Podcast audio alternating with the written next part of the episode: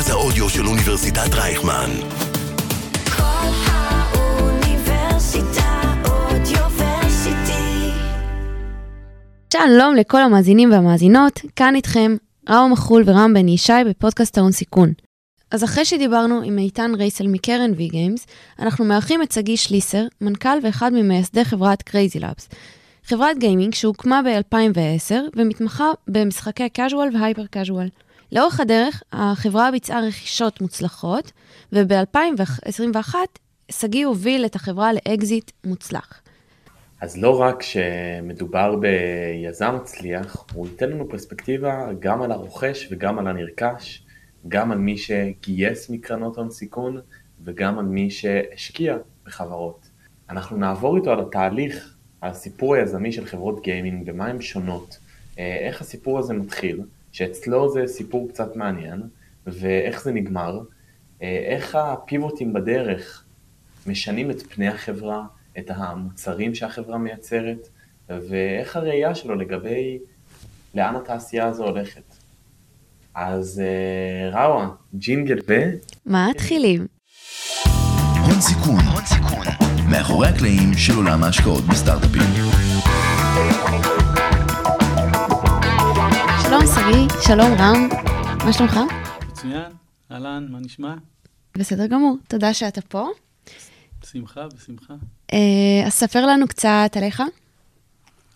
אה, לי קוראים שגיא, אני אבא לשלושה ילדים, גר בתל אביב. לפני, ב-2010 הקמתי את CrazyLabs, לפני זה הייתי 14 שנה ב insurtech, הבדלים עצומים. אה, מאוד- בזמן. עברת בזמן. לא, זה תעשיות אחרות. B2B זה משהו שאני מאוד מחבב, אבל לא חוזר לשם. אה, מאוד אוהב, מאוד אוהב את הפידבק היחסית מיידי מהיוזרים. אה, אז בכלל, CrazyLabs נולדה מ- ממקום אחר לגמרי, מלעשות ספרים אינטראקטיביים, והתגלגלנו, התגלגלנו, התגלגלנו, התגלגלנו, והגענו למשחקים, משחקי ילדים, ואחרי זה למשחקי הייפר קז'ואל וקז'ואל, ותוך כדי הפכנו להיות אחת מהחברות שהיא הכי דאונלודד בעולם.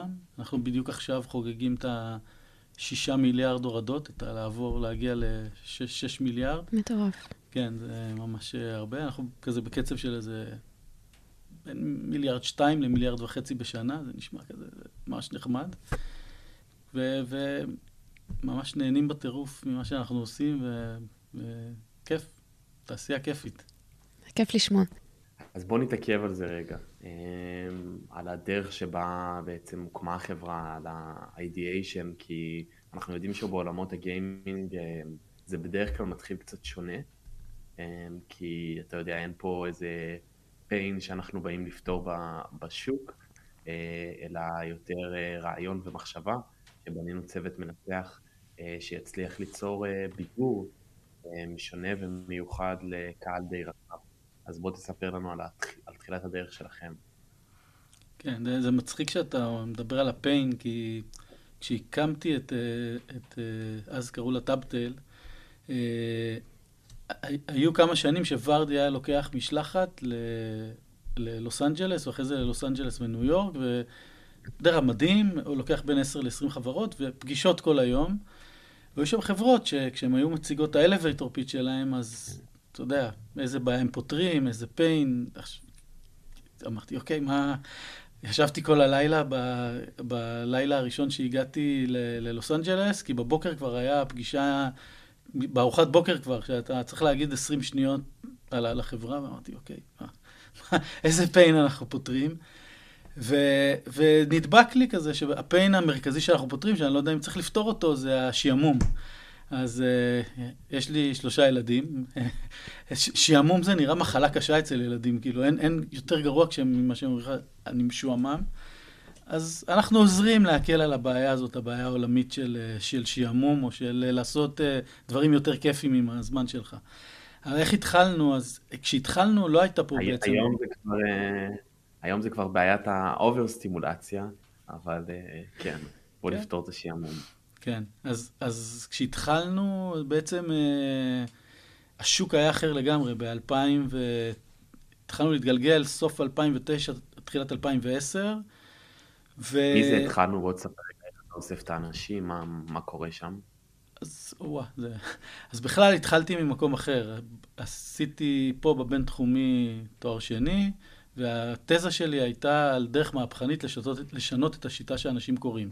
רגע, תואר שני ב? במדעי המחשב ופסיכולוגיה.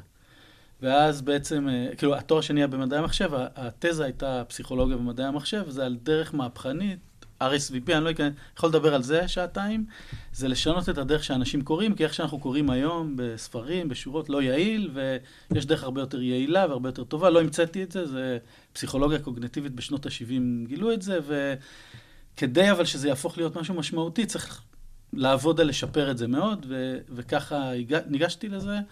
ואז בעצם התזה שלי הייתה שלקחנו ילדים בכיתה ז', שיש להם מין כזאת בחינה שקוראים בחינת מיצב, ששם הם קוראים לזה טקסט ועונים על שאלות, ובגלל שהשיטת קריאה הזאת אמורה לשפר את היכולת הבנה וגם את המהירות קריאה, אז לקחנו תלמידי כיתה ז' ונתנו להם, אה, השיטה הזאת עובדת רק דיגיטלית, אז לקחנו אייפוטאץ', שאז היה אייפוטאץ', בדיוק יצאו, ונתנו להם לקרוא בשיטה הזאת על אייפוטאץ', כמו רגיל באייפוטאץ' וגם בנייר.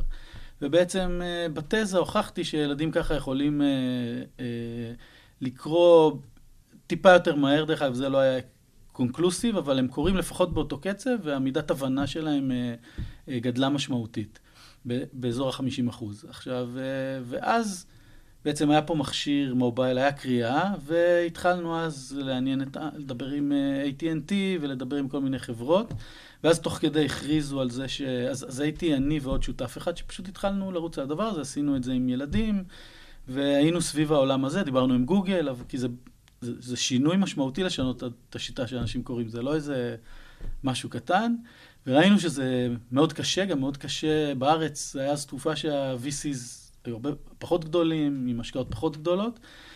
ואז אה, אפל הכריזה על זה שהיא הולכת לשחרר את האייפד, ובגלל שהיינו בעולם הנרטיבי של טקסטים ותכנים וילדים, אז אמרנו, רגע, בואו נעשה רגע הפסקה, אנחנו מבינים איזה פיל יש לעולם הזה, בואו, אנחנו מהמרים שאייפד הולך להיות הצלחה גדולה. דרך אגב, זה לא היה גרנטד, הרבה אנשים אמרו שזה אייפון גדול ושזה הולך להיכשל, ואנחנו מהמרים על זה ששוק ספרי הילדים הוא ענק, בדרך כלל בארצות הברית הוא שוק של איזה 8 מיליארד דולר, ושאז היה נורא מסובך לבנות תוכן למובייל דיווייסס, זה היה מאוד טכני, אז נבנה פלטפורמה, כי גם אה, בר- ברקע שלי אני אה, איש טכנולוגיה, הייתי, לפני, בתפקיד הקודם הייתי CTO, VP R&D של חברות, וגם של ספיאנס, של חברה שהיא אינשורטק, נסחרת בבורסה, אז, אז אמרנו בואו נבנה תשתית טכנולוגית שבעצם תקל מאוד על הבנייה של הדבר הזה, ו... ו אחרי שנעשה פה איזה משהו נחמד, אז נחזור לשנות את הדרך שאנשים קוראים. זה, זה נראה לנו בתור תוכנית טובה. אה, ו, וב-2000, ובסוף, כאילו, ב-2010 אה, אה, אה, יצא אייפד, ובעצם אנחנו אמרנו, אוקיי, בואו נתחיל לעשות את זה, אז בנינו את הפלטפורמה הטכנולוגית, וניסינו ללכת, אה, לגייס כסף. אה, כולם אמרו לנו, תקשיב, זה נורא נחמד, זה ממש אה, מחמם את הלב אה, לעשות אה, ספרים אינטראקטיביים, אבל בסוף בישראל יודעים לעשות דברים טכנולוגיים, אז אם אתה רוצה לעשות white label, כאילו פלטפורמה ל-white label שמישהו אחר ישתמש בה, אז אולי, אנחנו גם לא בטוחים שאנחנו מאמינים בזה, אבל תוכן מכאן, כשה target market שלך הוא גלובלי, אבל לפחות ארצות הברית, אין סיכוי. זה היה העניין. אני חשבתי על זה, אמרתי, וואלה, אנשים מאוד חכמים אומרים את זה, אולי באמת שווה לנו לעשות פליי טכנולוגי, אנחנו בסוף גם אנשים טכנולוגיים, אבל אנחנו בתחילת הדרך החלטנו, ודרך אגב זה טיפה קשור גם לזה שאולי כשהקמתי את, בניגוד לסטארט-אפ הראשון, שאז הייתי בן 20 ופה הייתי כבר כמעט 30 ולקראת 40, אמרתי, אני עושה את זה או בדרך שתהיה לי מאוד כיפית, או לא עושה את זה בכלל. זה כאילו, דרך אגב, אני ממליץ גם ב-20 ולעשות את זה ככה, אבל לי זה הגיע, התובנה הזאת, רק, רק, רק בשלב הזה. ואז אמרתי, אני נורא רוצה להיות זה שמחזיק את היוזר. אני רוצה להיות ה owner של ה relationship עם היוזר. אני לא רוצה שזה יהיה אצל מישהו אחר. אני רוצה את הפידבק הזה, אני רוצה שכשאני עושה משהו, אני עושה אותו כי אני מבין מי המשתמש, לא כי אני מבין, עוד פעם, עשיתי הרבה שנים B2B, לא כי אני עכשיו מספק משהו למישהו שהוא בסוף מתווך את, את, את הכל המשתמש, והוא גם אז מחליט אם אני טוב או לא טוב, אפשר להחליף אותי. אני, אני רוצה מההתחלה עד הסוף לעבוד מול המשתמש. ואז בעצם אה, אמרנו תודה על תובנות, אבל אנחנו נתחיל בדרך הזאת. בהתחלה עשינו לגמרי סוג של bootstrap כזה, עם קצת אה, FFF, Family Friends and Fools, שהכניסו קצת כסף לזה. ואני אה, בשלב הזה, דרך אגב, עלינו ל-IVC, ופתאום קיבלתי טלפון ממודי, ממגמה. אמר לי, תשמע, אני רואה שנרשמתם, זה נראה מעניין, בוא לאיזושהי שיחה, ומהשיחה הזאת התפתח מהר מאוד מין כזה, משהו שהיה אמור להיות ברידג'לון, והפך להיות uh, השקעה ראשונה. בדרך כלל במונחים של היום זה כלום, 300 אלף דולר שהם מגמה שמו. Uh, עוד קצת uh, גייסנו מהמדען, ושמנו כסף, בוטסטר, שמנו הרבה כסף מה, מהבית, אני הבאתי, ו... ויצאנו לדרך. בשלב הזה היית רק אתה והשותף. אני והשותף, הצטרף עוד שותף. הוא צירף mm-hmm. עוד שותף אחד שאז לא היה... לא היינו שותפים שווים, זאת אומרת, התחלנו שנינו וצירפנו עוד שותף אחד. עכשיו, מכיוון שזה גם הסיבה שצריך אה, כסף מההתחלה, לא רק לשבת בגראז' ולכתוב קוד או לעשות זה, כי אנחנו בתעשייה שצריכה ארט וצריכה סאונד וצריכה נרטיב וצריכה כל מיני דברים, ולא ידענו לעשות את הכל, אז בעצם אה, התחלנו כבר, כבר התחיל להיות לנו צוות של איזה נניח עשרה אנשים, אז כאילו, ה, יש לך איזשהו run rate אה, אה, בשלב הזה. אז התחלנו לעשות פלטפורמה, אז בנינו את הפלטפורמה והתחלנו לבנות ספרים אינטראקטיביים, היה לנו תוכנית שלמה, לא, לא, לא נדבר על כל הזה. איפשהו לאורך הדרך בשנה הראשונה ראינו שזה עסק אה, נחמד, אבל לא, לא רווחי ולא, ולא מעניין. זאת אומרת, האייפד באמת צמח מאוד יפה, אפילו הייתה לנו הצלחה מאוד יפה, הספר הראשון שחררנו סביב Christmas, שקראו לו Christmas Tale, היה לה חצי מיליון הורדות, אבל בחינם. ו, וזה היה הישג מאוד יפה, ש, שגם אה, אה, נתן לנו איזשהו brand awareness קטן, אבל, אבל זה, revenue זה לא נתן. אז אה, כשניסינו לראות איך זה מתקנברט, מה עושים עם זה, בקיצור, אחרי שנה הבנו שהשוק העיקרי שבחרנו הוא לא מעניין. אז בעצם היה לנו... מה שאתה אומר מעניין אחרי, שאתה מציין אחרי שנה, כי בסוף יש אה, תעשיות ש-MVP יכול להיווצר הרבה יותר מוקדם, וההבנה יכולה להיעשות הרבה יותר מהר, אבל פה, כשהכל זה על UX UI, על מה אתה מוותר ב-MVP? דרך אגב, ה-MVP, אנחנו יצאנו מבחינת זמן, 2010 אה, זה היה Christmas Tale, זאת אומרת ביוני עוד לא הקמנו את החברה, התחלנו bootstrap עוד בכלל בלי להקים את החברה הרשמית. בנובמבר Christmas Tale עלה כבר ל App Store, וב, ובדצמבר הוא היה מספר אחד ב Books, most downloaded uh, uh, ב free to play, עוד פעם, בגרסת free. Uh, אה, מבחינת time to market, וכבר זה היה כשהיה לנו פלטפורמה שעליה בונים. חצי שנה. במרץ 2011 אה, כבר הקמנו צוות אוף-שור במקדוניה, כי הבנו שב-economy of scale אה, אנחנו נצטרך, שלא נוכל לשלם את העלויות של ישראל across the board על ה... על הזה. אז אני חושב שמבחינת מהירות להגיע ל-MVP, הגענו, אבל השאלה מה MVP מוכיח. כשאתה עושה משחק גדול, casual, אז, אה, אז דרך אגב, גם אז זה לוקח זמן, אתה יכול לעשות vertical slice, להוכיח, אתה מוכיח חלק רק מה, מהעניין, כדי להסתכל על כל הביזנס ולהבין שכביזנס הוא לא טוב, אז אתה צריך איזושהי רפטטיביות, אתה צריך להניח שאתה תשתפר ולראות שזה לא משתפר, ואז להבין מה בביזנס. אז, אז מהר מאוד הגענו ל...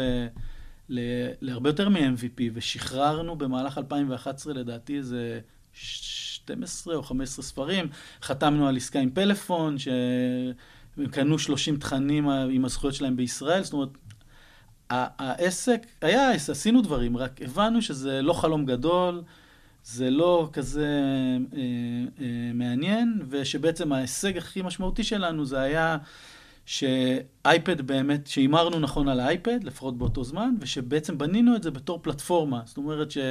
אצלנו את הכל כתבו במין כזה שפה XMLית, במקום שאז היה, היה צריך, אה, אה, היה, היה מורכב לכתוב, אה, לעשות משחקים או לכתוב תוכן למובייל. ואז אמרנו, אוקיי, אז בהינתן ש... ש... ודרך אגב, היו לנו יוזרים, היו הורדות, היינו בטופ צ'ארט של הבוק, זה פשוט היה לא מעניין. ואז אמרנו, אוקיי, בואו נעשה פיבוט חד, אנחנו רואים שמשחקי ילדים זה בערך באזור שלנו, זה נראה מאוד מעניין, זה עושה הרבה יותר כסף, בואו נהיה שם. ותוך שלושה חודשים ה- היינו שם. אז, אה, ואז בעצם ב-2012, אחרי ששרפנו את כל הכסף שהיה לנו, אה, ומסיבות כאלה ואחרות לא רצינו לקחת עוד כסף מהמשקיעים, כי בא עם כל מיני תנאים שפחות מצאו חן בעינינו, עוד פעם, גיל 40, אז אה, אמרנו, אנחנו אה, רוצים לעשות את זה, וגם, דרך אגב, הם תמכו בחברה שהפסידה וזה, זאת אומרת, אין לי טענות אליהם. אז מכרתי את, ה, את, ה, את הדירה ש, שהייתה שלי, את החצי, לקחתי חצי מהכסף ושמתי אותו בתוך החברה. ואמרנו, ב-2012, המשימה, אנחנו הופכים להיות רווחיים. למה? כי נורא קשה לגייס, ו... ועדיף לנו להיות רווחיים, וזה מה שצריך לעשות. אה, אני זוכר, ניר היה, ניר היה הפאונדר שהצטרף אה, אחרון, אז הוא סיפר איך, הוא סיפר את זה לאשתו, שזו הייתה ההחלטה, והיא לא הפסיקה לצחוק סוף שבוע שלם, היא אמרה, וואו, איזה מגניב. אז אני אחליט שנהיה מיליונרים, ונהיה מיליונרים, כאילו אתם מחליטים שאתם רווחיים. דרך אגב, הרבה, הרבה אני רואה גם היום בחיים של החברה, כשההחלטות הן, יש מאחוריהן איזה לוגיקה, לא כשהן סתם תלושות. הרבה פעמים כשאתה שם יעד, אנשים מתכנסים ליעד הזה. זאת אומרת, זה, זה משהו שהוא הוא כוח מאוד מאוד חזק, וצריך לדעת בעיניי מאוד טוב איזה יעד אתה שם, איך אתה בונה אותו ואיך גם אנשים מאמינים בו, ואז הדברים שקורים הם באמת דברים אה, מדהימים. ב-2012 גדלנו פי 10 בהכנסות, היינו רווחיים, ו... והיינו כבר בפוזיציה כזאת שב-2013 הפכנו להיות ה publisher הכי גדול למשחקי ילדים ב App Store. זאת אומרת, אה, זה היה, זה, זה הכוח של ה-state of mind. אז מצד אחד היה לנו הכנה טובה, כי בנינו איזושהי טכנולוגיה שנתנה לנו יתרון, אה, ורצינו להיות מאוד מאוד קרובים ליוזרים ולשמוע אותם כל הזמן, אז הקשבנו להם מהר, הבנו מתי זה לא עובד, ולא התעקשנו על ה... לא, לא התאהבנו בשום דבר שעשינו. היה לנו גם מוטו שאנחנו כל שבועיים לפחות מזיזים את הספינה, אם זה ב-70 מעלות או ב-4.5 מעלות, אבל לא... להרגיש שהכל עובד טוב בסטארט-אפ בהתחלה, זה הרגשה מוטעת, זה, זה, זה, אתה, הולך, אתה, אתה הולך להיתקע בסלע. אז, אז כל הזמן הנחנו שחייב להיות לפחות משהו אחד שאפשר לשפר, וכל שבועיים חיפשנו את המשהו האחד הזה שחייבים לשפר. וגם היינו אומרים לאנשים שמתגייסים לארגון, אנחנו פרו-שינויים, מי ש... יש הרבה סוגים של אנשים, יש אנשים שהם אוהבים יציבות וקביעות, ו... אז אמרנו להם, לא מתאים, אצלנו אין, אין יציבות, אין אה, זה, אנחנו, אנחנו מנסים מאוד להסתכל לאן, בגלל שאנחנו consumer market, וזה שוק שהוא משתנה בצורה מאוד מאוד מהירה, הוא כל שנייה אה, אה, גדל ומשתנה, והמכשירים והדינמיקה בין המכשיר שמישהו קיבל אייפד דור ראשון, אבא או אימא, והעבירו אותו לילד, ואז, ואז השימוש משתנה, אז... בגלל הדברים האלה הרגשנו שהמטרה שלנו היא כל הזמן להיות מאוד מאוד מחוברים למשתמשים ומאוד מאוד אה, אה, לראות איך אנחנו משנים את ההתנהלות של החברה לאור הדבר הזה. אז זה, זה היה איזה משהו שעשינו אה, אה, כל הזמן, ואז הגענו לעולם של המשחקי ילדים, והרגשנו כאילו, אוקיי, מעולה, גייסנו אז עוד כסף, וגם קואלקום נכנסו, וכשהיינו וכש, רווחיים עשינו את הגיוסים הכי גדולים שלנו, שזה גיוסי growth, אז... אז uh, הרבה פעמים שמענו... מה הם מסתכלים המשקיעים? בשלב הזה? כשאתה... כן, כשאתה הולך לגייס אחרי הרווחיות. מנסים להבין מה יכול להיות, ה, אתה יודע, מן הסתם ה-total addressable market הוא מאוד גדול, וגם uh, הוא גד, הולך וגדל בטח אז, דרך הפרוג'קשנים שהשוק די עמד בהם. Uh, אני חושב שהם בעיקר מנסים להבין איפה אתה יכול, והחברה שלך יכולה לצמוח בתוך הדבר הזה. מה, מה הסגמנט, מה, מה, מה הנישה, איך הצוות, זאת אומרת, זה בעיקר אה, להבין את, ה, את, ה, את הטראג'קטורי שלכם בתוך, ה, בתוך הדבר הזה, שהוא ברור שהוא שוק סופר מעניין, צומח, אה, ש, שרק הולך, הולך לגדול, אבל השאלה המרכזית זה איפה אתה תשתלם. היה... מה זה? ידעו את זה? זה? כלומר, בתקופה אז ידעו איך לאכול גיימים, כי מה היה לך אז? את זינגה? אה, שעשתה פרי טו פליי, כאילו לא היה יותר מדי דוגמאות בשוק שבאות ומוכיחות שבאמת החברות במודל האלה מצליחות. תראה, אה, זה, אחד זה נכון, אבל, אבל הדבר השני, ה-VCs כן יש להם insight into the future באיזשהו מקום, זאת אומרת אם לא, אז, אה, אז אין להם שום יתרון עסקי. עכשיו, ביחד עם החברות מחקר, שאתה יודע, it can go either way, אבל, אבל הם כן צדקו ב, מהבחינה הזאת. הם הסתכלו לאן, ה- א', היה להם מודל, כי בסוף המשחקי מחשב, אני שיחקתי ב... טוב, זה ממש יסגיר, יסגיר את הגיל שלי, אבל אני שיחקתי באתרי, אה, ואחרי זה היה לי, אחרי זה היה לי קומודור, אז, אז הגיימינג לא קיים דקה, והמודלים העסקיים של איך גיימינג ומה מה המקום שהוא תופס, אז, אז, אז אתה יודע, היה מודלים שאמרו, אוקיי, איך המובייל ילך ויתפוס market share, ואז הגיימינג ילך ו... הגיימינג על מובייל ילך ויהיה יותר משמעותי, ה spend שראו אותו בקונסולות ובפלטפורמות אחרות, אז היה אפשר לעשות, אה, גם בלי לקחת הימורים אה, נורא נורא נועזים, היה אפשר להבין שהולך להיות פה משהו מאוד מאוד משמעותי. אז אה, אני חושב שזה, על זה הרוב הסכימו. השאלה היחידה הייתה אם זה גדל ל-30 מיליארד דולר ב-2000, לא יודע, אז היינו ב-2012, ב-2017, או זה יהיה רק 15 מיליארד דולר. אבל זה היה ברור שהולך להיות גידול מהיר, גידול משמעותי, אה, וש, וש, וש, ושהולך להיות פה כסף אה, מאוד מעניין, גם בגיימינג, וכמובן גם מי שיהיה שם קודם, אז יהיה לו early adopters advantage בעולם הזה. אז, אז זה אני חושב לא היה הדברים שהיינו צריכים לשכנע בהם. בתוך זה היינו צריכים להגיד איך אנחנו מישראל, עם זה שאין פה DNA, אה, לא הייתה פה אף חברת גיימינג לפני זה, רוב ההתמחות הייתה בעולמות הקזינו, real money, social קזינו, זאת אומרת שהתחיל אז אה, גם כן. איך עכשיו אנחנו מתחרים ב...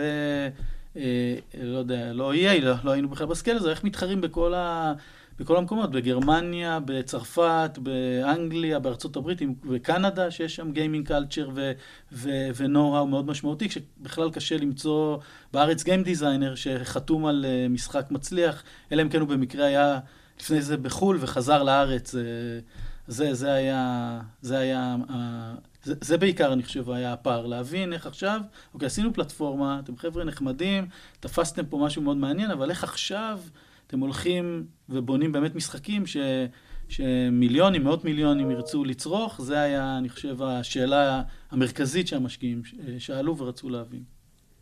ומה התשובה הייתה? לגייס אותם בחו"ל, ולאט לאט נבנה את הידע בארץ. אה, מה המודל העסקי שלכם?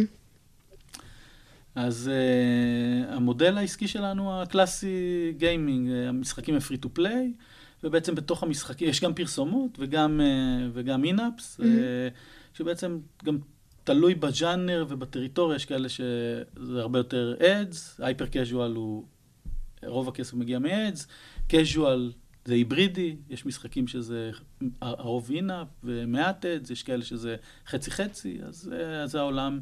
ובשנים האחרונות נוסף גם אה, הקומפוננטה הזאת של subscription, אה, שהוא גם, הוא מאוד מעניין, אה, כי גם יש בו כאילו את האלמנט הזה של recurring revenue, אז, אה, אז מצד אחד הוא מאוד מעניין, מצד שני הוא גם מאוד קשה, כי קשה לך לייצר value לאורך זמן, שמשתמשים ימשיכו אה, אה, לצרוך ב subscription עצמו, זאת אומרת, זה יותר מסובך ממה שזה... מה שזה נראה, ולפעמים זה גם גורם אז ל, להתנהגויות הפוכות. אז, אז הרבה משחקים עשו subscription, ואז הורידו, ובעצם עשו דברים אחרים שמדמים subscription, VIP pass, כל מיני מנגנונים כאלה, שאתה עדיין לוקח כסף כל חודש, אבל אתה כאילו כל חודש מוכר אותם מחדש, כדי שלא יהיה את ההרגשה שרגע, גיליתי פה איזה משהו שאני משלם עליו כל חודש, מה אני עושה עם זה, בואו נבטל את זה. אז, אז זה, אבל כן, אנחנו גם מכניסים מודלים של subscription כשאנחנו מוצאים שזה מתאים. כשאתה חושב על, אתה יודע, עולמות ה subscription, לפחות המסורתיים, אני לא יודע, מנוי לטלוויזיה, מנוי לכבלים, אנחנו מדברים על עולמות שהמעבר בין אחד, מתחרה אחד לשני הוא מעבר די מסיבי, שדורש איזה כאב ראש, ופה אתה הולך ל App Store ומחליף. אז אני חושב שההתחייבות, בכללי בני, בני דורנו הם, הם נמנעים ונרתעים מהתחייבויות. אז התחייבות לאפליקציה שאני במהירות ובקלות יכול להחליף לאחרת, אני חושב שזה tricky מאוד, וזה האתגר אולי הכי גדול בעולמות האינטרנט. אבל כשקהל היעד הוא ילדים, קצת שונה. כן. או הורים. אז כשהיה לנו, כשהיינו בעולמות של הילדים, אז, אז רק להמשיך את הסיפור, אז הגענו להיות מספר אחת, ואמרנו, לא, אפשר ללכת לים, כי הילדים רק יקבלו עוד מכשירים, והמובייל רק גדל, וילדים מורידים בלי סוף. ו... כי בהתחלה נניח, כש- כשחקרנו, עוד כשהיינו בעולם של הספרים, אני הלכתי, טסתי לארה"ב, ישבתי ב... בחנות, בחנויות של בארנס ונובל, עד כדי שכמעט הזמינו לי משטרה.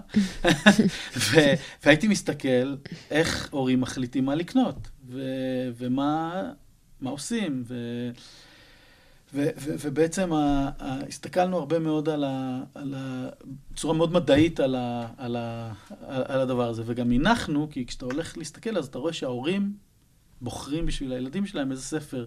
אז הם לא דווקא היו קונים להם דורה, ואולי גם, אבל הרבה פחות מאשר את ההולמרקס, את, אה, לא יודע, אם מישהו מעשה בחמישה בלונים, ההורים קונים, ודורה אולי הספר השישי. בזה. לפחות ככה ראית שהם חיפשו quality והם חיפשו כל מיני דברים. ואז בעצם הייתה איזושהי הנחה סמויה שבעולם של הילדים, אז בעצם אה, ההורים הם אלה שיחליטו מה להוריד, וגם החלטת התשלום תהיה.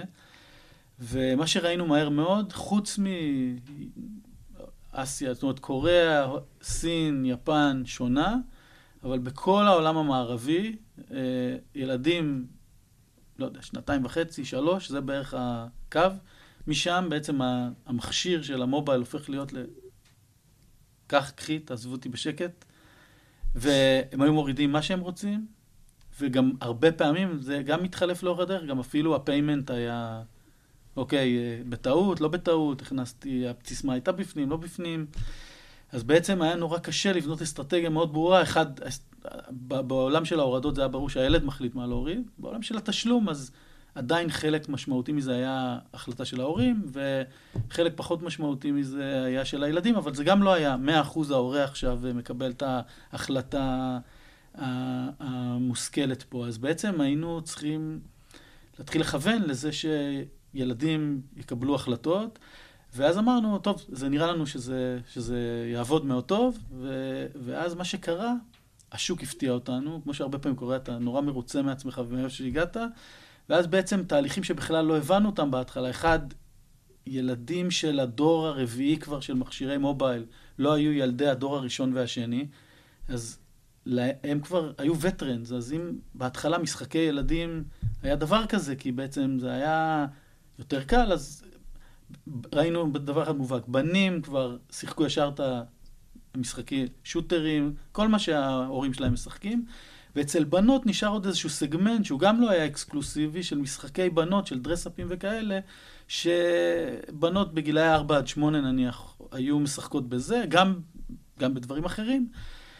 אז בעצם זה לא שהשוק נמחק לגמרי, אבל הוא, הוא נעשה קפט, הוא לא צמח, הוא אפילו ירד, אם מסתכלים על total volume בסוף לאורך זמן. ואז בעצם, אה, אחרי שצמחנו, היה hockey stick כזה מאוד מאוד יפה, אז פתאום ב-2015, אחרי שאנחנו גם כל הזמן מגדילים את היכולות production, רוצים לייצר יותר, כי הקהל אמור לגדול, אה, אז בעצם אנחנו מייצרים יותר, השוק, בלי לספר לנו, הולך למטה, אנחנו גם צומחים בתוך השוק הזה, אז היה קשה לבודד ולהבין בדיוק מה זה, ופתאום אנחנו מבינים לקראת סוף 2015 ש Houston have a problem, משהו פה לא עובד, ו, ו, ואז, אה, ואז כאילו עצרנו רגע, עשינו, עשינו תהליך הרבה יותר משמעותי של, לא, זה היה לא שני, שתי מעלות ולא 30 מעלות, של הרבה מעבר לזה, אמרנו, אנחנו נכנסים ל-2016, אחד, היינו צריכים לעשות גם שינויים במבנה של החברה, נאלצנו, פעם אחת, אחת ויחידה שנאלצתי להיפ, כאילו להיפרד מאנשים, תהליך מאוד כואב, מאוד, עשינו את זה לפחות רק פעם אחת, ו, וגם מאוד ברור, ובעצם אה, אחרי זה אמרנו, אה, מה, מה עושים? זאת אומרת, ניתחנו את ה-DNA, השוק של הילדים לא מעניין, אז אין מה להישאר שם, אז מה אנחנו יודעים לעשות? משחקים, אבל קטנים יחסית, שמוציאים אותם הרבה, וגם יש לנו שוק שיותר בנות מאשר בנים, כי זה הרבה מהמשחקים היו סביב דרסאפ וכאלה, גם לא, לא רצינו לעשות שוטרים, או, זאת אומרת, היה לנו DNA מאוד ברור בתוך זה, מה עושים עם זה, אז הסתכלנו על השוק. Hyper casual אז עוד קראו לו בכלל אחרת, וזה היה בעיקר חברה אחת Ketchapp, אבל הבנו כבר שיש שם משהו שהוא מאוד appealing, זאת אומרת, לעשות דברים קטנים זה מה שאנחנו יודעים לעשות, הרבה כאלה. ובא, ובעולם של המשחקים לבנות, אז אמרנו, אוקיי, יש, אולי ננסה להגדיל את זה משם התחיל ה casual שלנו, מ lifestyle simulation. אז בעצם זה, זה, זה שני הדברים שהחלטנו להתמקד בהם, אבל זה לקח כמעט שנה, זאת אומרת, עשינו המון ניסויים בדרך, ניסינו כל מיני פתרונות ביניים של להגדיל את זה טיפה, לגלות את זה טיפה. אה, שנה מאוד כואבת הייתה 2016, אה, וגם לא ודאית, זאת אומרת, זה בניגוד ל, ל, ל, לשנים שהיו קודם, שרק שאלנו איך עכשיו מנצלים את המומנטום וגדלים ומגיעים לעוד מקומות, פתאום זו הייתה שנה של אה, קטנים, משדרים חוסר ודאות, אפילו לא... כשהקמנו את החברה אז אמרנו זה מה שנעשה וזה יצליח והנה אה, אנחנו הולכים להסתער על זה בכל הכוח. ואז פתאום מגיע 2016 ואנחנו לא אומרים זה מה שיצליח. זאת אומרת ה statement הוא אנחנו עכשיו בודקים על מה אנחנו הולכים להסתער וזה לקח הרבה זמן כי כמות הניסויים שעשינו וכמות והצורה שעשינו בה לא הייתה אופטימלית. זאת אומרת היה עדיף כבר שניקח דבר אחד ו... נחליט אותו, אבל בגלל שהחברה כבר הייתה יותר גדולה, וגם השותפים היו פחות מהודקים, וגם זה יצר מתיחויות, כאילו אחד השותפים כבר עזב עד אז, והיינו שניים, ולא הסכמנו, בוא נגיד ככה, על לאן צריך לקחת את זה, אז זה נמרח שנה שלמה במקום לקחת שלושה חודשים, זה הרסני לחברה, זאת אומרת, זה אחד הדברים שיכולים להשמיד חברה, כמעט עשה לנו את זה.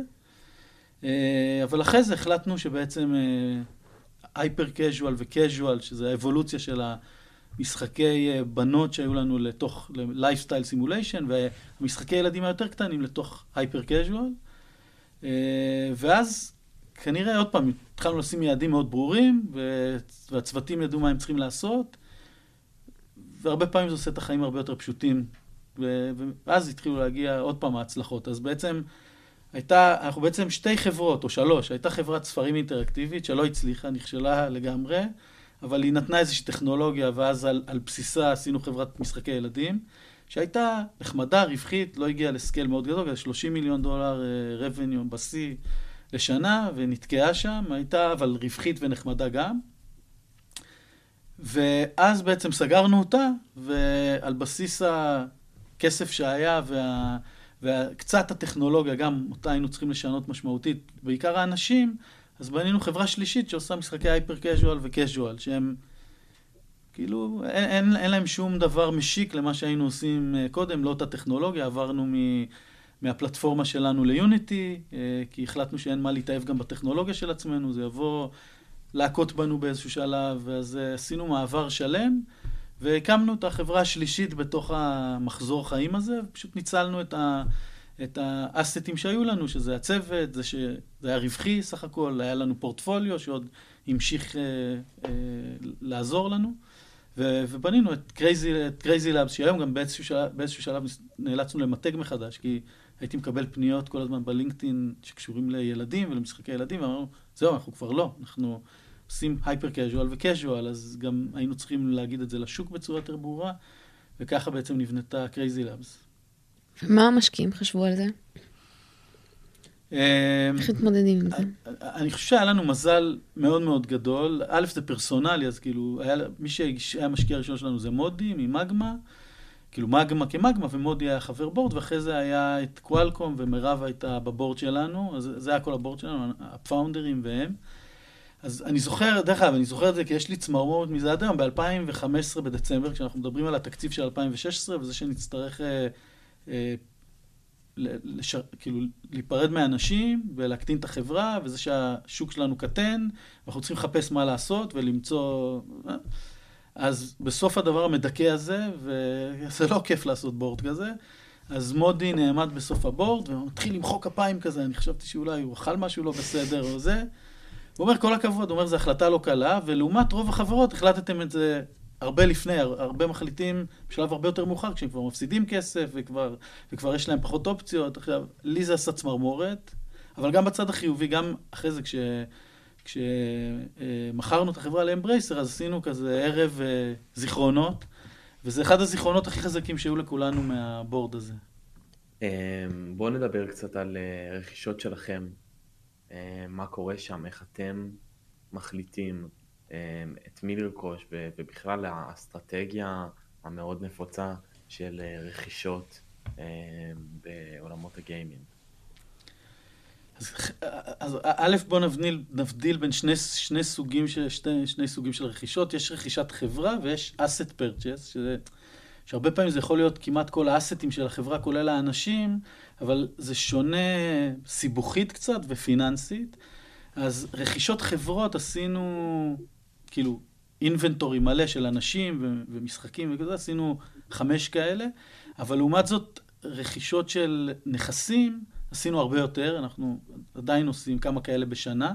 זאת אומרת, זה יכול להיות משחק אחד, זה יכול להיות המשחק היחיד שהחברה עשתה. אבל המשחק אחד ומה, אתם לוקחים את האנשים, כאילו המשחק לא עוזר, צריך, אתה יודע, ה live ops בעצם זה הנדבך אולי הכי חשוב במשחק. לפעמים כן, לפעמים לא, לפעמים live אה, ops. אה, אה, לנו יש צוותים שלנו, גם של live ops, גם של פורטפוליו, לפי, ה...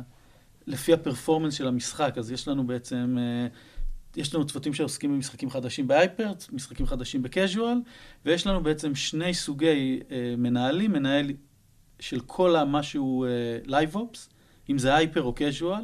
אפילו שזה נשמע מוזר, זה לא אותו live ops בכלל, אבל זו אותה חשיבה עסקית, אנחנו בסוף מסתכלים על, ה, על הגודל, על, ה, על ה performance, ויש לנו את זה לפורטפוליו. אז, אז רגע, אני... רגע, אני רק אתעכב על המושגים, live ops, רק למאזינים, מה זה אומר? live ops, דרך אגב, זה, זה גם לא עניין מוחלט, זה, זה כאילו, live ops אפילו לא. זה, יש משחקים שבהם אתה כל הזמן מוסיף למשחק עוד תוכן, ו- וכל הזמן מעדכן אותו, אז נקרא, נניח לזה קוראים ops הרבה פעמים בתעשייה.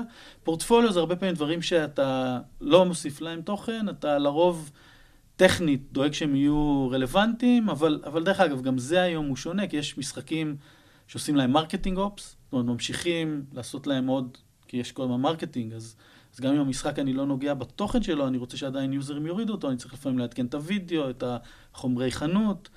ו, וגם ב live ops יש פער גדול בין מי שיש לו צוות 40 איש, 20 איש, או מי שנניח ב hyper, live ops יכול להיות אה, עדכון כל שבועיים, אבל שעובדים על זה בממוצע בן אדם ורבע. זאת אומרת, mm-hmm. אז, אז זה גם נורא נורא נורא שונה הדברים האלה. אבל ההסתכלות שלנו היא הרבה פעמים עסקית, כי בעצם הבנו שהרבה פעמים אנחנו מדברים עם, עם חברות שמדברות איתנו משחקי casual, אבל משחק casual הזה עושה בעצם כמו איזה משחק hyper שיש לנו בפורטפוליו, אז, אז אז גם זה בעצם, אה, בסוף אתה צריך להבין, היעד שלך הוא, הוא להסתכל על המשחקים ולראות מה לוקח אותנו לאן שאנחנו רוצים.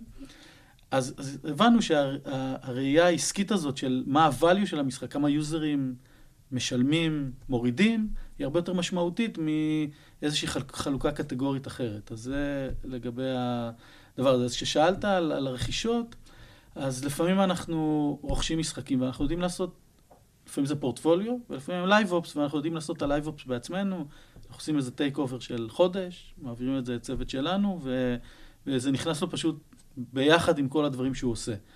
היו רכישות אחרות, ואז הן היו היותר גדולות, אז היו לנו חמש כאלה, ששם לא משנה מה השיטה החשבונאית שעשינו את זה, עם asset או חברה, אבל, אבל בעצם שם בעצם קנינו גם את המשחקים וגם, וגם הצוות עבר אלינו, ו... ובעצם אה, אלה היו הרכישות היותר, היותר משמעותיות. עשינו... איך אתם בעצם בוחרים? תספר לי רגע על התהליך אה, לרכוש חברה, לרכוש סטודיו. אז זה נורא, אז, אז פעם הקריטריונים שלנו אה, אה, היו סביב, אה, אחד, תראה, אתה, אתה בונה איזושהי אסטרטגיה, אז, אז, אז כשהיינו יותר קטנים, והאסטרטגיה שלנו הייתה, והבנו שבארץ, עוד פעם, חסרים כל מיני חסרים כל מיני דברים לגיימינג קלצ'ר בארץ. אז אמרנו, אוקיי, אנחנו רוצים גם enrichment, אז בעצם uh, קנינו סטודיו בסרביה שהיה לו צוות מאוד חזק. קנינו את החברה בסין, שהייתה עשרה אנשים, כי רצינו איזו הבנה, והבנו שהשוק של המזרח בגיימינג הוא סופר משמעותי, והקלצ'ר גאפ הוא עצום, ואם לא נגיע יותר קרוב לשם, אז הסיכוי שלנו מכאן להבין אותם הוא באמת קלוש. אה, אז, אז, אז זה נורא תלוי גם מה, מה, מה מחפשים. אה, וגם תמיד חיפשנו אה, צוותים עם משחקים, עם משחקים חזקים, ושיש לנו איזה ארביטראז' על זה, כי לרוב אם אתה מגיע למקום הזה שבו יש איזושהי חברה, וכולם מבינים את ה-value שלה, וכולם יכולים לנצל את ה-value שלה באותה מידה, זינגה יכולה לקנות אותם, ו, ו, ואנחנו ועוד 20 חברות, ואז, ויש להם גם בנקאים, ואז גם הם עושים תהליך מסודר, אז... אלה הדברים שכמעט אף פעם לא, לא ננצח בהם. אין, אם אין לנו איזה 1 plus 1 equal 3, שאנחנו או תפסנו אותם מאוד early stage, ואנחנו מבינים את הפוטנציאל שלהם ומוכנים לקחת איזה הימור על הדבר הזה, מבינים איזה משהו בצוות שאחרים לא מבינים. זאת אומרת, לרוב אנחנו מחפשים איזה משהו שהוא ייחודי לטרנזקציה איתנו. זאת אומרת, אם זה סתם טרנזקציה שעוד 20 חברות אחרות, או 5, או לא משנה כמה יכולים לעשות, אז כנראה לנו זה לא יהיה מתאים. אז זה היו רוב ה... כל העסקאות שעשינו. היום גם אנחנו, בגלל שהרבה מאוד מה... מההשקעה הפנימית שלנו, היום ש... שני שליש כמעט מהתקציב של החברה אה, הוא תקציב בהשקעה ב... במשחקים חדשים.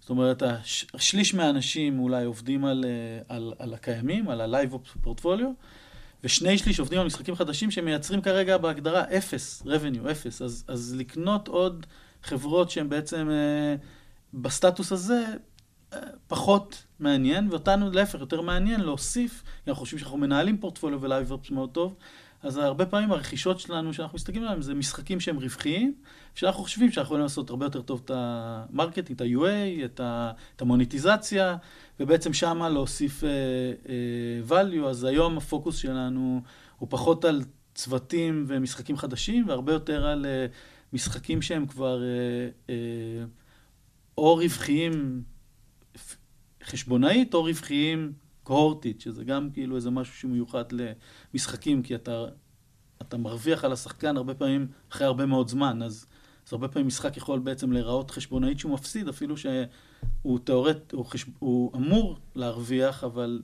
זה עוד איזה משהו שצריך להבין בגיימינג, אז, אז זה בעצם ה, מה שאנחנו מסתכלים היום, אז, והרבה פעמים אנחנו פשוט קונים נכסים ספציפיים, בלי האנשים, או עם שני אנשים, שלושה אנשים, ו- ואנחנו אז מכניסים את זה לתוך הפורטפוליו ולתוך הצוותים שמנהלים או לפורטפוליו או ל live ops. אמ, יש לי שאלה. אתם אה, חברה כבר יחסית ותיקה. זקנה. אה, אז אתם כבר אחרי שלב של הגרות. ממש אחרי. ממש לא. זה, זה, זה נורא להיכנס להגדרות של, ה-VC. אני בצד שלי, של ה, שאני יושב בצד של, אה, עכשיו מנכ"ל, הייתי גם צ'רהולדר, אז אני מנכ"ל. אה, אה, דרך אגב, אם לא היה פה גרוט משמעותי, לא הייתי נשאר, זה לא מעניין. אז בעצם היו לנו, אם, אם תסתכלי על הגרף שלנו, אז עשינו, אז שים שנייה בצד את הספרים. אחרי זה היה לנו גרוט סופר משמעותי בעולם הילדים, נתקענו, היינו צריכים להמציא את עצמנו מחדש, הלכנו להייפר קז'ואל וקז'ואל, עשינו עוד פעם, חזרנו בעצם ב-2017, כשסידרנו את העניינים הפנימיים שלנו, לידרשיפ ודברים כאלה, והחלטנו על הייפר קז'ואל וקז'ואל, חזרנו לצמוח ב, בקצב של בין 50 ל-100 אחוז year over year עד 2021. זאת אומרת, חזרנו לגרוth סופר משמעותי. ואז, עכשיו, עוד פעם, עכשיו אנחנו עוד פעם קצת תקועים.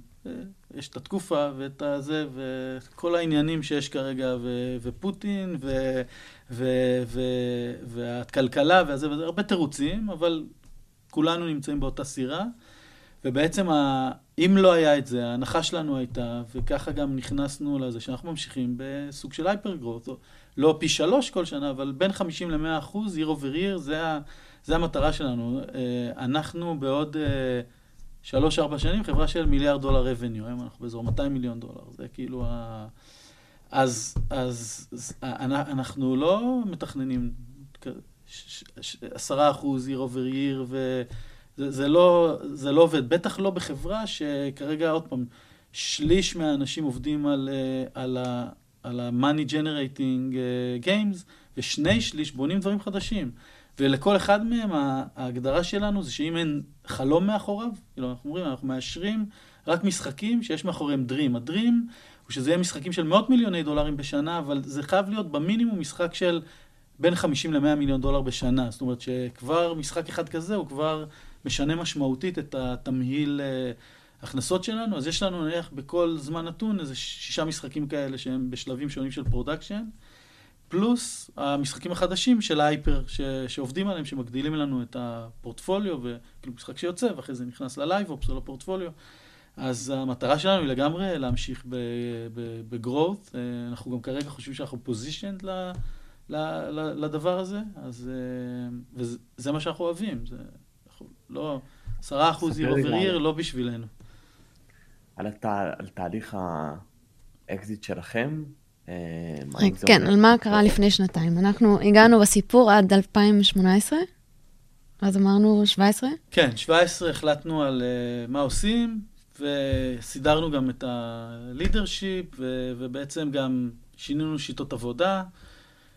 לפני זה, מסיבות פנימיות, היה פחות transparency לעובדים. בעצם חשפנו הכל. היום, כל מי שרוצה מהעובדים, לא כולם רוצים דרך אגב, יכולים לגשת לכל פיסת דאטה בחברה, כולל ה-revenue, ה-profit per משחק, per user, per מה שהם רוצים. ובעצם אה, התחלנו לצמוח בהייפר, שמנו לעצמנו מטרה להיות מספר אחת בהייפר, עדיין לא הגענו לזה, אנחנו אבל ב top שלוש, ארבע, שתיים וחצי, והרבה מאוד זמן. אה, התחלנו דרך אגב מספר אה, 17, כמו שהתחלנו ב kids. אה, בנינו טכנולוגיה, אנשים טובים שעברו לזה, וב hyper צמחנו, וגם ב casual. year over year, אז uh, התחלנו, ה hyper התחיל הרבה יותר חזק ומהר, ו casual לוקח יותר זמן לבנות uh, מן הסתם משחקים ולהוסיף להם על סופר סטייליסט, איזה משחק fashion simulation. היה הראשון, uh, אבל יש גם אחרים, ו- ובעצם uh, המשכנו לבנות את החברה, וב... עכשיו, גייסנו כסף, אז זה היה ברור שבאיזשהו שלב, כאילו, דרך אגב, חילקנו אפילו קצת דיבידנדים, אבל זה לא, בסוף לא הפליי של המשקיעים, אז בסוף משקיעים, ו, ודרך אגב, כולם רוצים, אה, או שחברה היא פרטית, ואז יש כל מיני שיטות, אה, אה, איך אתה, איך אתה מתגמל את עצמך בחברה שהיא לגמרי פרטית, אבל בחברה שיש לה משקיעים, לא פרטית מבחינת ליסטד או לא ליסטד, אלא משפחתית כזה, אני הקמתי, זה שלי, אוקיי. אבל בחברה שיש לה משקיעים, זה היה ברור שהמשקיעים בסוף הם השקיעו כסף, ולגמרי מגיע להם להרוויח, מה, אם אפשר, מהסיפור הזה. ומגמה, הקרן שהשקיעה בנו, היא מגמה 2 לדעתי, שהיא גם אה, כבר הייתה בת... אה, הרי יש איזה עניינים עם מחזור חיים של קרנות והמנדט שלהם, אז מגמה כבר הייתה קרן יחסית מאוד מאוד ותיקה. וגם אנחנו היינו במצב שבו אה, אה, צמחנו סופר משמעותית, היינו אה, רווחיים, אה, המשכנו להיות רווחיים מ-2012, אבל חזרנו לשיעורי רווחיות אה, משמעותיים, וזה היה ברור שזה זמן טוב עכשיו, אה, אה, או דרך אגב, שהמשקיעים יישארו ונלך לעוד איזה ריצה, או שזה פל, פלטו טוב, עכשיו אה, קראנו לזה reset event, להחליף בעלי מניות, אקזיט, אמרתי לך, זה כזה, אתה יוצא החוצה, אנחנו נשארנו, טוב לנו. אז, אז לא עשינו אקזיט, אלא מצאנו בעלי מניות מאוד טובים שהחליפו את הבעלי מניות המאוד טובים שהיו לנו. זה היה תהליך אז של... לא ויתרתם על החלום הציבורי. מה זה? לא ויתרתם על החלום הציבורי. ויתרנו, בטח שוויתר... הסיוט הציבורי, לא היה לי שום כוונה, אין לי שום... אה, אני הייתי שבע שנים בספיאנס, שהיא חברה ציבורית, אמנם לא הייתי המנכ"ל שלה, אבל הייתי שם בהנהלה, ו... והייתי ה-CTO ו-VP-R&D, זה סיוט, הציבוריות הזאת, זה... הבעיה של ההסתכלות הרבעונית וה... וההבנה שאתה מנסה לבנות משהו שבטח ב, גם בגיימינג, שיש לך השקעות לטווח ארוך, בהרבה תעשיות יש לה השקעות לטווח ארוך, אבל שחלק מהשוק לא יודע לתגמל את זה, לא יודע להסתכל על זה, שיש לחץ מאוד גדול על, ה, על, ה, על הרבעון ועל כל מיני דברים שאתה צריך לדבר בשפה של, שהיא בסוף תדבר לכל מיני סוגים של משקיעים. זה פשוט מביא את ההתעסקות שלך למקומות הרבה פעמים הלא, לא איפה שאתה רוצה לבזבז את האנרגיות שלך. אז... אז לנו לא היה... דרך אגב, הסתכלנו על זה, היה לנו הצעות לספאקים וללא ספאקים, ו... ולהצטרף ולעשות... אה, אמרתי, אוקיי, מי שרוצה לעשות את זה, בשמחה, אז אני אפנה את המקום ותעשו. אני לא, אני לא הולך למסלול הציבורי, אני יודע מה ההשפעה לא של זה. אה, מה זה? כבר לא אומרים ספאק בפודקאסט שלנו. אה, אז מה אומרים? אה, אסור להגיד. מילה שירדה... הנה, אנחנו מתקרבים לפורים, אפשר לעשות עם, הרעשנים. אבל זה היסטוריה, אנחנו מספרים היסטוריה, אז הציעו לנו uh, כל מיני הצעות. גם לא, עוד פעם, לא היינו בגודל מספיק גדול כדי לצאת באיזה major listing, אז אפילו לא היה פה את השאלה, זה, זה היה או למצוא איזה backdoor כזה לבורסה, בגודל שלנו, היה לנו אחלה גודל, אחלה צמיחה, אבל לא מספיק לזה. אבל היינו גם מספיק מעניינים כדי שיהיו לנו חמש הצעות לרכישה, עשינו תהליך טוב עם, היו לנו בנקאים מעולים, עשינו תהליך, היו לנו חמש הצעות, סדרי גודל מאוד מאוד דומות, ואז בעצם אה, הי- הי- הייתה את השאלה עם מי אנחנו רוצים אה, לקשור את עתידנו, מכיוון שעוד פעם, היו לנו אחלה בעלי מניות, אז היה גם מאוד אכפת להם מה יהיה עם החברה קדימה. אז כאילו, רצו משהו ש... ועוד פעם, גם אני בעל מניות משמעותי, ו... ו... והרבה פעמים בגיימינג, הפורטפוליו, עוד פעם, הוא שווה משהו, אבל מה ששווה גם הרבה בעסקה זה גם הקדימה. זאת אומרת, אז, אז מי שמסתכל על החברה, הוא לא עכשיו אומר, אוקיי, יש פה אוסף של בניינים, ונסתדר. אלא, אלא היה מאוד משמעותי ל- כמעט לכל הרוכשים שדיברו איתנו על מה האופק שבו החברה תישאר בפורמט הנוכחי שלה, בייחוד לאור זה שהיא עשתה מאוד טוב בעיניהם. אה, ו- ולנו היה מאוד חשוב ש- ש- ש- שגם הדבר הזה יתקיים, ואז אחרי כל התהליך הזה, דרך אגב, לא נבחרה הצעה שהייתה הכי הכי גבוהה, עוד פעם, הפערים לא היו גדולים, גם תלוי על מה אתה מסתכל, באיזה טווח זמן, אבל המשקיעים שלנו הסתכלו איתנו ואמרו, הנה, אז, אז אמברייסר שנבחרו, מצד אחד, ה- ה- התהליך איתם היה מאוד מעניין, הם חברת החזקות שצמחה בצורה סופר משמעותית, אה, ובעצם היא לא מתערבת ב-day to day של החברות שלה, היא גם אה, נסחרת, אז אה, כמובן, היא גם, עוד פעם, היא גם ידעה לשלם על העסקה, אבל, אבל גם אם אתה מקבל מניות שלה, אז יש ליקווידיטי בתוך, בתוך העסקה, אז אין, אין שם בעיה. ובעצם אמברייסר עובדת בצורה, הכלל מספר אחת שלה זה, זה distribution ואין centralization, זאת אומרת אין, אין ועדה לאם אתה צריך לעבוד עם ספק טכנולוגיה כזה או אחר, אין אה, זה, היא, חברה שעובדת, מייצרת הזדמנויות לוורטיקלים שלה, לתתי חברות, אבל, אבל אין, אה, אין, אין איזשהו משהו שהוא הכרחי. ועוד דבר שהיה מאוד מיוחד, כל החברות מדברות איתך על איזשהו תהליך של... ארנאוט, או, או תהליך של, אתה יודע, אה, אה, שלוש שנים, ארבע שנים, שבהם החברה תישאר ויהיה ביצועים, הרבה פעמים יש אחרי זה שנה, שנתיים, ואחרי זה, זה הדבר הזה מתחיל להתפרק. אמברייסר דיברו על שמונה שנים, שזה, כאילו, אנשים אומרים לך, מה, בחיים לא שמעתי על טווח כזה, שמצד אחד אתה אומר, וואי, אולי זה, אולי זה סתם, מה, מה שמונה שנים? מצד שני, יש בזה משהו מאוד קסום, ואני תמיד, עשינו ספרי ילדים, אני הולך אחרי הלב, זה היה נראה, אחד, שהם אמיתיים, שתיים, שזה הריליישנשיפ שהם בונים עם שאר היזמים בחברות, משהו ארוך טווח, אמברייסר, יותר מ-50% מוחזק על ידי, על ידי המנכ"לים של החברות של אמברייסר, זאת אומרת שזה זה, זה ה-DNA, ו, ו, ו, ובנינו גם את, ה, את ההסכם ככה שהוא מכבד את זה ש... אנחנו מגישים תקציב, ולפי התקציב יש לנו עצמאות כמעט מלאה לעשות כל מה שאנחנו... זה, התקציב הוא פעם בשנה, וכן, היא חברה נסחרת, אז יש דיווחים ויש זה ויש זה, אבל ברמת ה... איזה משחקים אנחנו עושים, מה קרה, מה עושים, יש לנו עצמאות מלאה, ה brand שלנו עצמאי באופן מלא, ו... ואנחנו היום כבר אה, יותר משנה וחצי אחרי הרכישה, שום דבר לא השתנה. אה, אז... עשינו את הבחירה הנכונה, ל- לדעתי. זאת אומרת, זה, בסוף זה הימור, אה, כי אתה לא יודע איך, מה יהיה. אה, מי ידע, זאת אומרת, אני יכול להגיד שאחת הרוכשות הפוטנציאליות, שהיה כאילו, היו ה-second runner up, היה דווקא חברה מרוסיה, היינו בוחרים אותם, והיום איפה היינו נמצאים? אה, מקום אחר.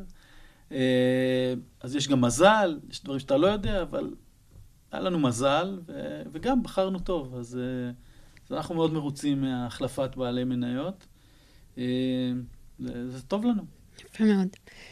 אה, אני רוצה לשאול אותך על השינויים שקורים.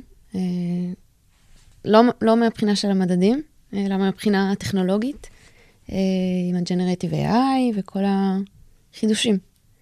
איך אתם, אה, כן. כחברה שהיא די אדפטיבית, אגב, כשזה ב-DNA שלכם, since day one, איך אתם אה, עם זה?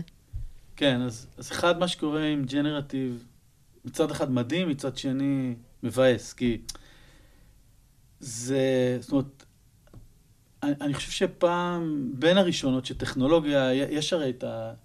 גרטנר פשוט היו, היה להם את ה-life cycle של טכנולוגיה חדשה, שבהתחלה היא בהייפ, ואז היא יורדת, וזה, פיקס, עובד כמעט על כל דבר, AR, VR, אה, המון דברים. AI גם ישב ב back seat הזה הרבה שנים, הרבה זמן.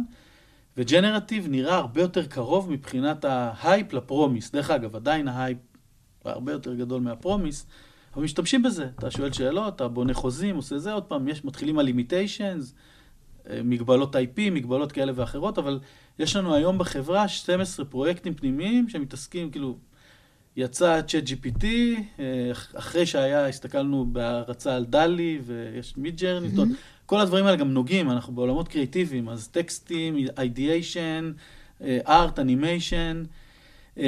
אחד זה סופר מעניין, ואנחנו מנסים להבין איך פה לייצר יתרון תחרותי בתוך, ה, בתוך הדבר הזה. כי זה לא פשוט. מצד אחד עכשיו, כל מי שקודם עשה כל דבר בעולמות הגיימינג, אה, פלטפורמות, ארט, סאונד, הוא עכשיו הפך ל-AI, Generative AI. כולם Generative AI. אין אחד שפגשתי שהוא לא Generative AI. אה, שלפני שנתיים הוא בכלל לא ידע מה זה AI ולא היה Generative. אז... אז, אז נורא קשה, כאילו, אז חזרנו ל, ל... וגם בעידן שבו אין כמעט השקעות וזה, אז פתאום היה קול קורא של NFX, של כל מיני חברות, תביאו ג'נרטיב AI ונשים כסף, שזה בתקופה שבה אומרים על מה לא לשים כסף. אז נורא קשה להבין. אה, אז אנחנו כרגע מבינים, בעינינו יש את ה-level 1 הזה של הג'נרטיב, שכבר אפשר לעשות אותו בספורט, להתכתב עם ה... עם היוזרים ב App Store על בסיס טמפלייטים וכן איזושהי בקרה, אבל יש הרבה דברים שזה כבר פותר לנו. אז יש לנו כבר פרויקטים פנימיים שהרבה מהם, ובעיניי זה יהיה ה-level הראשון של generative, זה cost saving, זאת אומרת, זה בעיקר דברים ש... שאפשר לשפר שם, שקודם היה קשה להפקיד את זה בידי טמפלייטים אוטומטיים או בטח צ'אטים, והנה אתה יכול עכשיו עם איזושהי בקרה סבירה ועם קצת למידה לבוא ולשחרר את זה, יש לנו כבר כמה פרויקטים כאלה.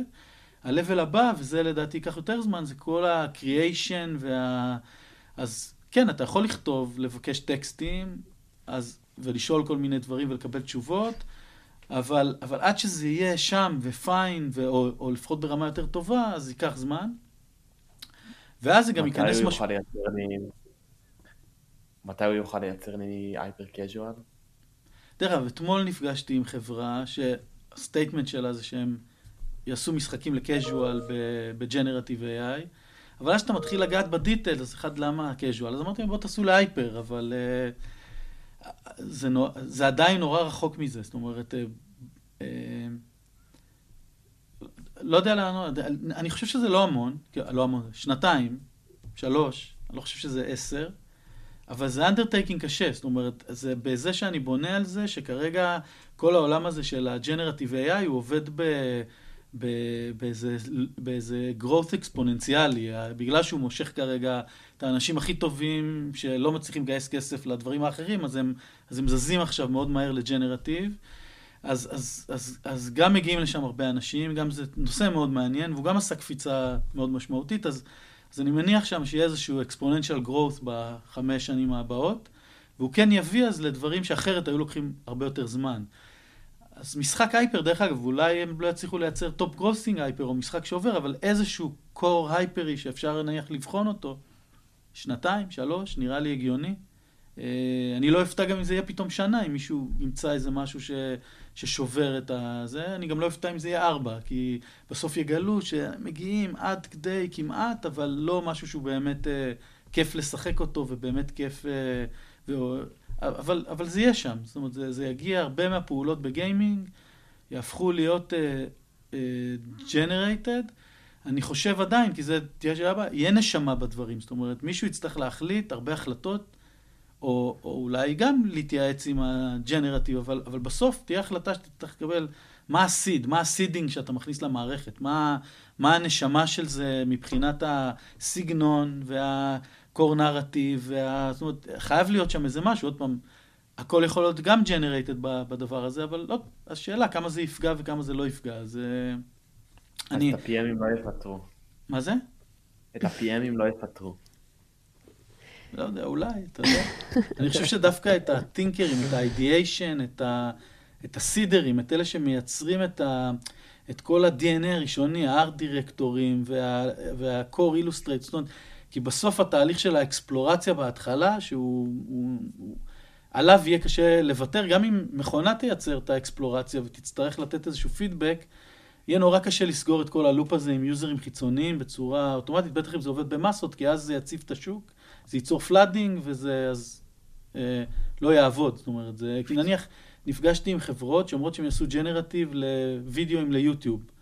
אוקיי, ואז הם יכולים לעשות אלפים כאלה, אבל מה זה עוזר? אה, בסוף, אה, אה, איך יגיעו היוזרים? הם, הם בסוף באים לאחד מאוד מצליח, לשניים, זה, אנחנו בעולם שהוא top charts, זה, זה אחד התובנות הכי משמעותיות שיש לנו ב-hyper casual, כי ב-hyper casual יש המון משחקים, אנחנו בוחנים בשנה 3,000 משחקים שלא ג'נרטיב AI, אלא דיבלופרים בעולם עושים, פונים אלינו, ואז יש לנו תהליך שיש לו איזה עשרה שלבים, כדי, בכל שלב אנחנו יודעים להרוג את המשחקים שהם most likely לא להצליח בשלב הבא.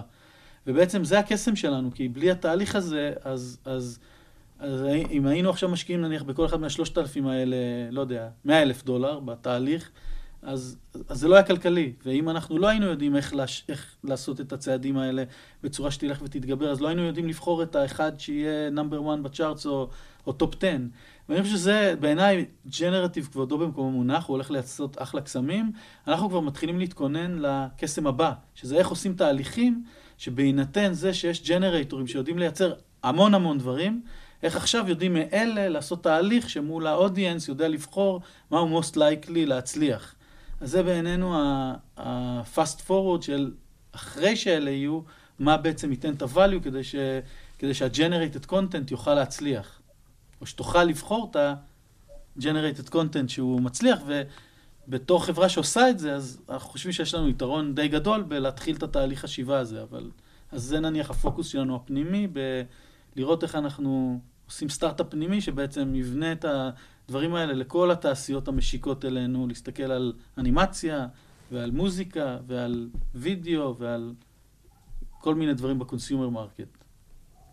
טוב, אני יכול להמשיך את הרעיון הזה עוד שעה, אבל אנחנו נצטרך לסיים. אה, היה לי סופר סופר מעניין. גם לי. אה, טיפים אולי לחברות גיימינג בתקופה הזאת?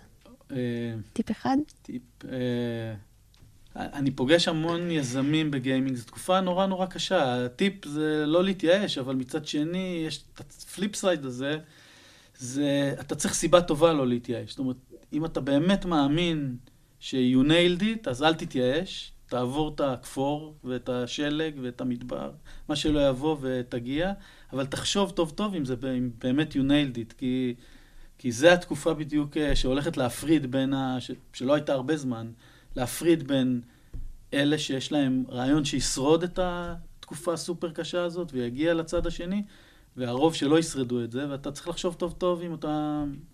אם הרעיון שלך הוא כזה, לא נחמד, לא סיכוי סביר, לא זה, אלא זה הדבר שהולך... אה, כי שוק הגיימינג נעשה סופר קשה להוציא מוצרים חדשים לשוק הזה, אז אתה ממש צריך להיות אה, אה, סופרסל, מתחיל להיות בשביל להצליח להוציא משחק חדש. שגיא, הרעיון שלך הוא טוב ואם הצוות שלך הוא טוב. מספיק. לא, לא טוב, אתה, אנחנו כבר בעולם של מצוין. תודה רבה רבה. היה. מרתק. תודה רבה, תודה רבה לכם. הון סיכון, הון סיכון. מאחורי הקלעים של עולם ההשקעות בסטארט-אפים.